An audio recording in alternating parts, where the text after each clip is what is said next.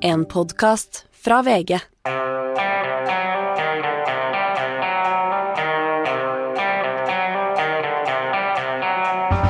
Gjør Norges utenforskap i EU oss mer utsatt for angrep fra Russland?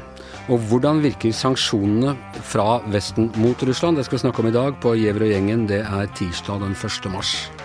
Det begynner å nærme seg en uke siden eh, Russland eh, angrep eh, Ukraina. Per Olav, noen blitskrig har ikke dette vært snakk om? Nei, på ingen måte. Hvis hensikten var å gå raskt inn, avsette regimet og innsette et nytt og så trekke seg ut, så har det i hvert fall vært en totalt mislykket strategi fra russisk side. Men øh, hvordan skal vi på en måte se på dette? Er det bra at de klarer å bite fra seg, eller er det sånn at men, altså, dette er jo verdens nest største krigsmakt. Det er umulig for Ukraina å, å forsvare seg i, i lengden? Ja, øh, I det lange løp så er det klart at den russiske militære dominansen øh, vil jo da trolig bli avgjørende. Men samtidig så er det jo et problem for Russland hvis denne krigen da trekker ut i langdrag. Det vil også koste Russland veldig dyrt, både i tap av menneskeliv, også økonomisk, og kanskje også i støtte på hjemmebane. Det, det, som, det er vanskelig å forstå hvordan eh, de kunne undervurdere på en måte Ukrainas evne og vilje til å forsvare seg. Fordi det har jo ukrainerne vist at de i høyeste grad har. Ja, de har, og med relativt enkle midler, når man tenker på, på hvilke militære kapasiteter, som det heter, som, eh, som Russland har. Ja da, men samtidig så skal vi ikke uh, underkjenne heller at Ukraina og Det er også noe som gjør at det er litt vanskelig å forstå den strategien her fra russisk side. For de har tross alt et, et, et, stort forsvar i Ukraina, og det er vel kjent at de er langt sterkere stilt nå enn de var i 2014, da, da Russland annekterte Krim.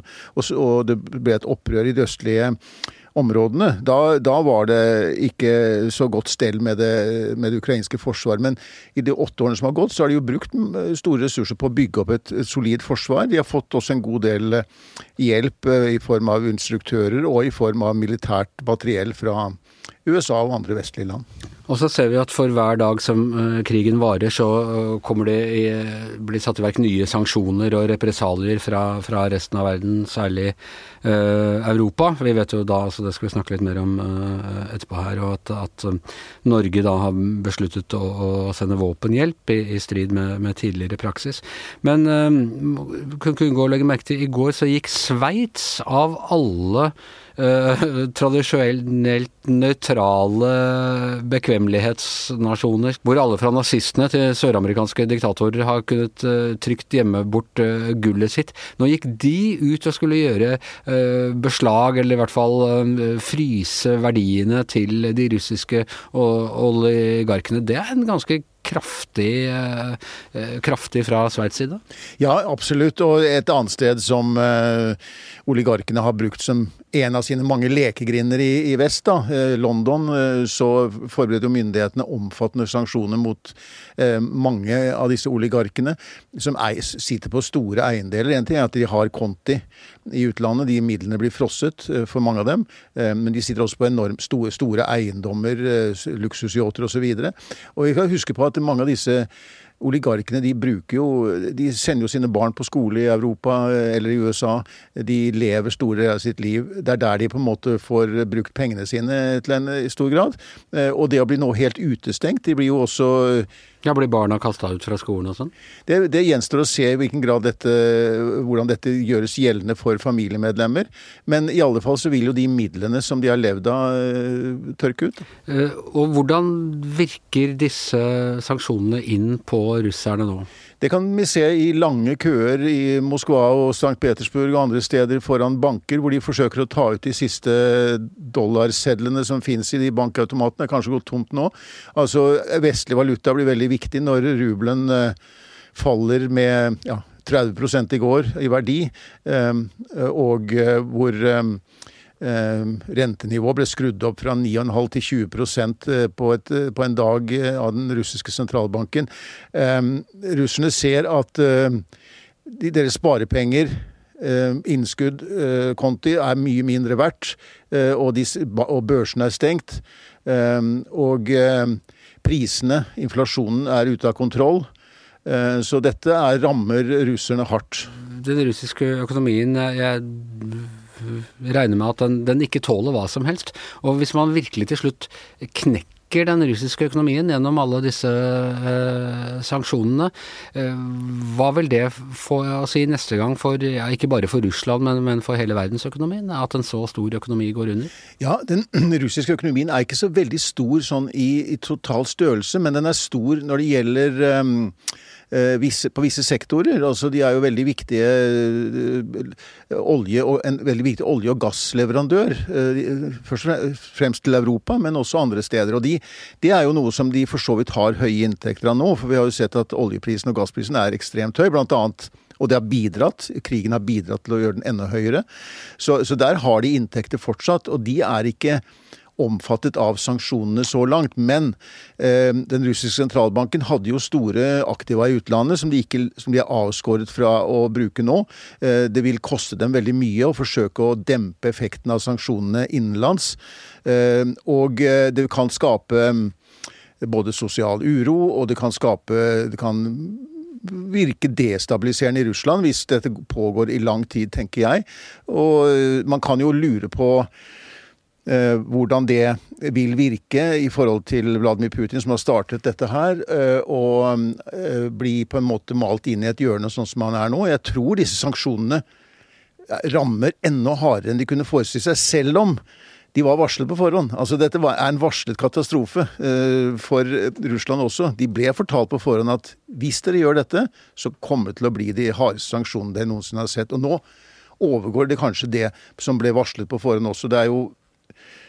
veldig tydelig at her står alle land, som du sa, inkludert Sveits og andre, sammen om dette.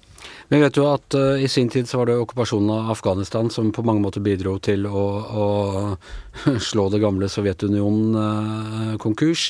Men det tok jo mange år. Altså, uh, de gikk inn der når var det jula 79, og det var liksom ikke før i fem, 1985 at, at bitene begynte å, å, falle fra hverandre. Og vi vet at Putin har bygget seg opp en ganske solid krigskasse.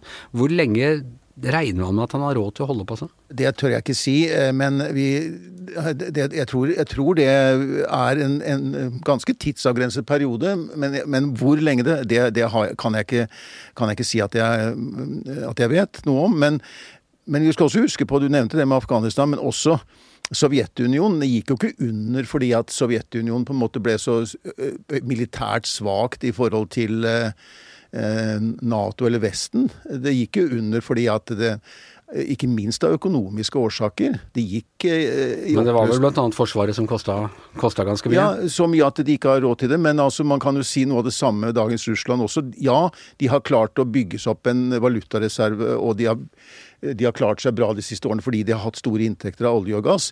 Men de har ikke mye annet å gå på heller. Um, de, det er ikke mange store eksportprodukter fra Russland, bortsett fra de eh, naturressursene de har. Ehm, og eh, de har ikke klart å, å, å, skape en økonomi som står veldig godt på egne ben når, når, de blir rammet på denne måten her. De er veldig avhengig av den handelen som de har ved vest. Og så kan de kompensere et stykke på vei med å handle mer med Kina. Og det er jo det de åpenbart forsøker på. Rent militært, jeg våkner hver morgen og tenker har Kiev falt? Uh, og det har de ikke gjort uh, så langt. Vi har sett nå disse bildene av, av disse kjempekonvoiene på, på vei. Det er, en, det er, viktig av også for moralen dette med at, uh, at Kiev ikke faller. Ja, og, men jeg kunne ikke unnlate å legge merke til hva som skjedde i Kharkiv, den nest største byen i i, i, landet, i Ukraina, som ligger nær den russiske grensen, da, eh, og som har vært under angrep nå i flere dager. Og i natt så var det voldsomme rakett- og artilleriangrep mot eh, byen. Eh, det rammet også sivile områder. Flere titalls som ble drept eller såret i de angrepene, ifølge ukrainske myndigheter. Og det var, såpass, det var sånn at nye rakettangrep i dag, etter det så kalte Zelenskyj dette for for statsterrorisme, den måten eh, Russland opererte på der. Russland sier jo at de ikke retter eh, sine angrep mot sivile mål. Eh, det som har skjedd i Kharkiv nå i siste døgn, det virker som noe som er hvor i alle fall sivile blir mål for det. Om det er bevisst eller ubevisst, det er vanskelig selvfølgelig å vurdere herfra, men, men at sivile alltid blir mål i sånne konflikter. Og når kampene beveger seg inn i byene, inn i de store byene, eh, så ser vi nå kanskje et eksempel i Kharkiv på det som kan bli situasjonen i Kiev når alle disse forsyningene når frem og Russland virkelig har mobilisert og omringet byen. Og det er de altså i ferd med å gjøre nå? Det er slik det ser ut. De har jo en 64 øh, km lang øh, kolonne som er på vei og, er ganske nær byen, de første av disse, av disse transportene. Sånn at det vil de jo lykkes med. Og så kan de jo de bruke det som en politisk utpressing for å prøve å oppnå resultater og si at nå har vi, nå har vi stengt byen inne, vi har fullstendig kontroll. Nå må dere overgi dere kapitulere, eller i hvert fall gjette for våre krav. Eller de kan velge å gå inn og kjempe gate for gate. Takk skal du ha, Per Olav. Hvis man eksporterer militært materiell av en viss kvalitet, så blir man en såkalt medkriger. Og det får en del konsekvenser som gjør at Norges suverenitet er mindre beskyttet enn til vanlig.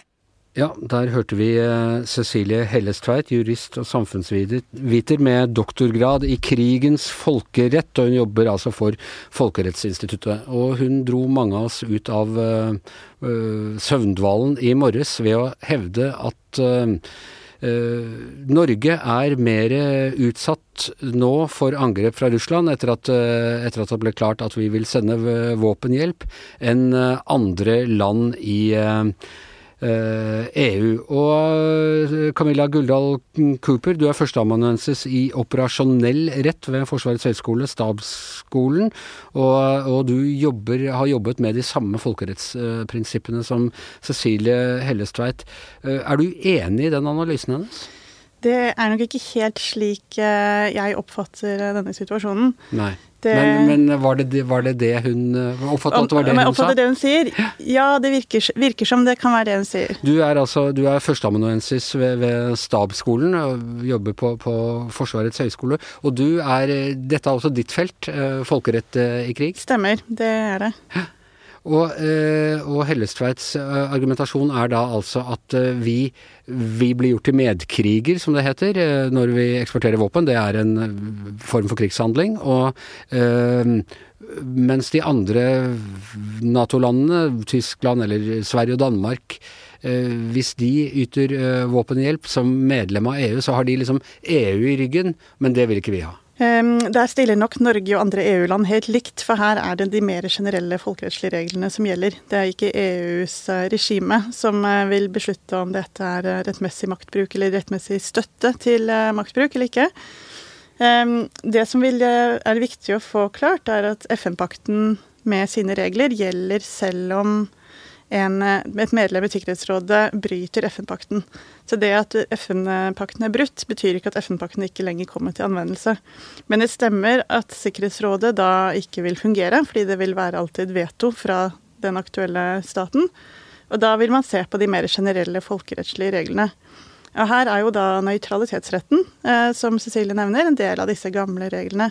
Og der har man for å ha status som nøytral i en væpnet, pågående væpnet konflikt, slik det er i, i, Ukraina, mellom Russland og Ukraina i dag, så skal man forholde seg nøytral, og da er det visse rettigheter og visse plikter.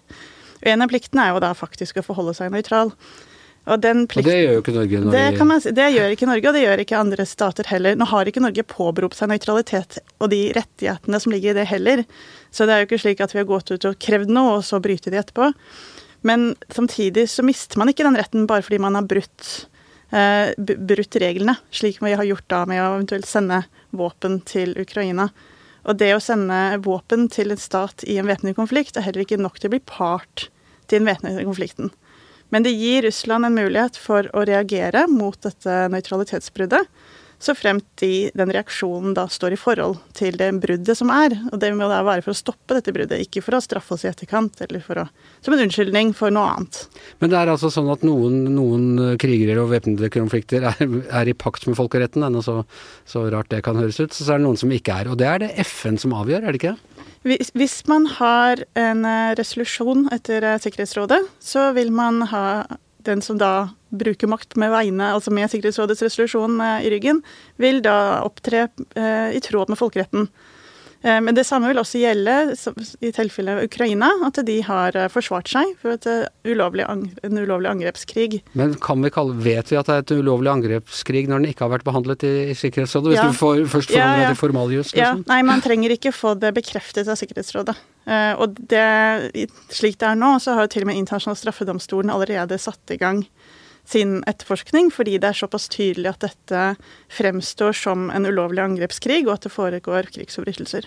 Men så er det andre, altså et tradisjonelt veldig nøytralt land som Sveits, som jo liksom har, har, eh, latt alle mulige drittsekker fylle opp øh, kontoene deres hemmelig der, de har nå gått ut og, og øh, sagt at de vil, de vil, fryse verdier og, øh, og, i det hele tatt. Men de har jo ikke noen grense i nærheten av Russland. nettopp det at vi har grense med Russland, og vi vet at det er ting Vi husker at eh, Putin åpna grensen til Storskog og bare pøsa inn med flyktninger. Eh, det er forskjellige ting i, i Arktis og rundt Svalbard og sånne ting som man kan gjøre som ikke er direkte krigshandlinger, men som eh, virker veldig forstyrrende på Norge, er Vil Russland nå med folkerett makten i hånda kunne gjøre sånne ting mot oss? Vi er jo helt klart mer sårbare enn mange land i Europa som eh, har god geografisk avstand til Russland. Det har ikke vi. Vi er klart i en mer sårbar situasjon, og det er kanskje også grunnen til at Norge brukte litt lengre tid på å ta den beslutningen, og først prøvde, ønsket å sende noe annet enn våpen, sånn at vi er litt mer forsiktig tilnærming. Eh, men det gir dem ikke noe større hjemler til, og rettsgrunnlag til å bruke makt mot oss, eller trusler, eller på annen måte bryte med folkeretten. Det gjør det ikke. Men det er jo en realitet, politisk og praktisk realitet i det, at vi er mer utsatt. Men, men ikke noe mer enn vi hadde vært om vi ikke solgte våpen? Eh, bare, bare ved å være medlem av Nato, eller eh, innføre sanksjoner? Jo, de har mulighet, eh, fordi vi da har delt, altså sendt våpen i brudd med nøytralitetskravene, så har de jo da mulighet til å ta, iverksette tiltak for å stoppe det bruddet. For å hindre de våpnene i å nå Ukraina. Men de skal i utgangspunktet heller ikke bruke makta, for det skal stå være forholdsmessig, og de skal bruke så fredelige løsninger som mulig. Men hvis de anser det som eh, en umiddelbar trussel mot dem selv, at eh, Norge sender disse våpnene, så kan de i ytterste konsekvens bruke makt mot, ikke mot Norge, men for å stoppe den forsendelsen eh, og komme til Ukraina. Men det vil være i ytterste konsekvens, og det vil være også være kun akkurat mot forsendelsen.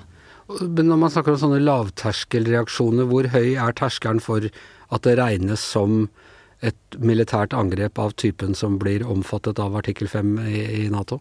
Det skal være et væpnet angrep, mer, og det anses å være mer enn bare litt sånn enkeltstående makthandler. Det kan også være trussel om, det har stater blitt enig i i sånn uskreven rett, at det, man trenger ikke sitte og vente på det første skuddet. Så hvis det er åpenbart at det kommer, så kan man også håndtere det. Men det skal være et væpnet angrep av viss alvorlighetsgrad.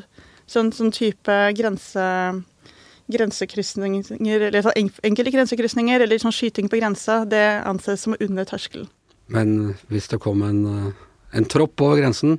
Så i den konteksten man er i nå, så vil det absolutt eh, være noe annet enn eh, når f.eks. norske styrker leser kartet feil på en øvelse og krysser grensa inn til Sverige uten å mene det. Eh, det har vært mye snakk om de siste 20 årene at EU eh, e aldri klarer å opptre samstemt og ikke får til noe som helst. I denne situasjonen har de opptrådt øh, veldig samstemt. Tror du vi ser konturene av at EU kan bli mer av et også sikkerhetspolitisk øh, samarbeid? Særlig sånn i lys av at USA kan få en ny president som ikke er så opptatt av hva som skjer i Europa? Absolutt, og det har man jo jobbet for i EU i veldig mange år, å få til økt forsvarssamarbeid. Og så har det ligget litt i skyggen av uh, Nato.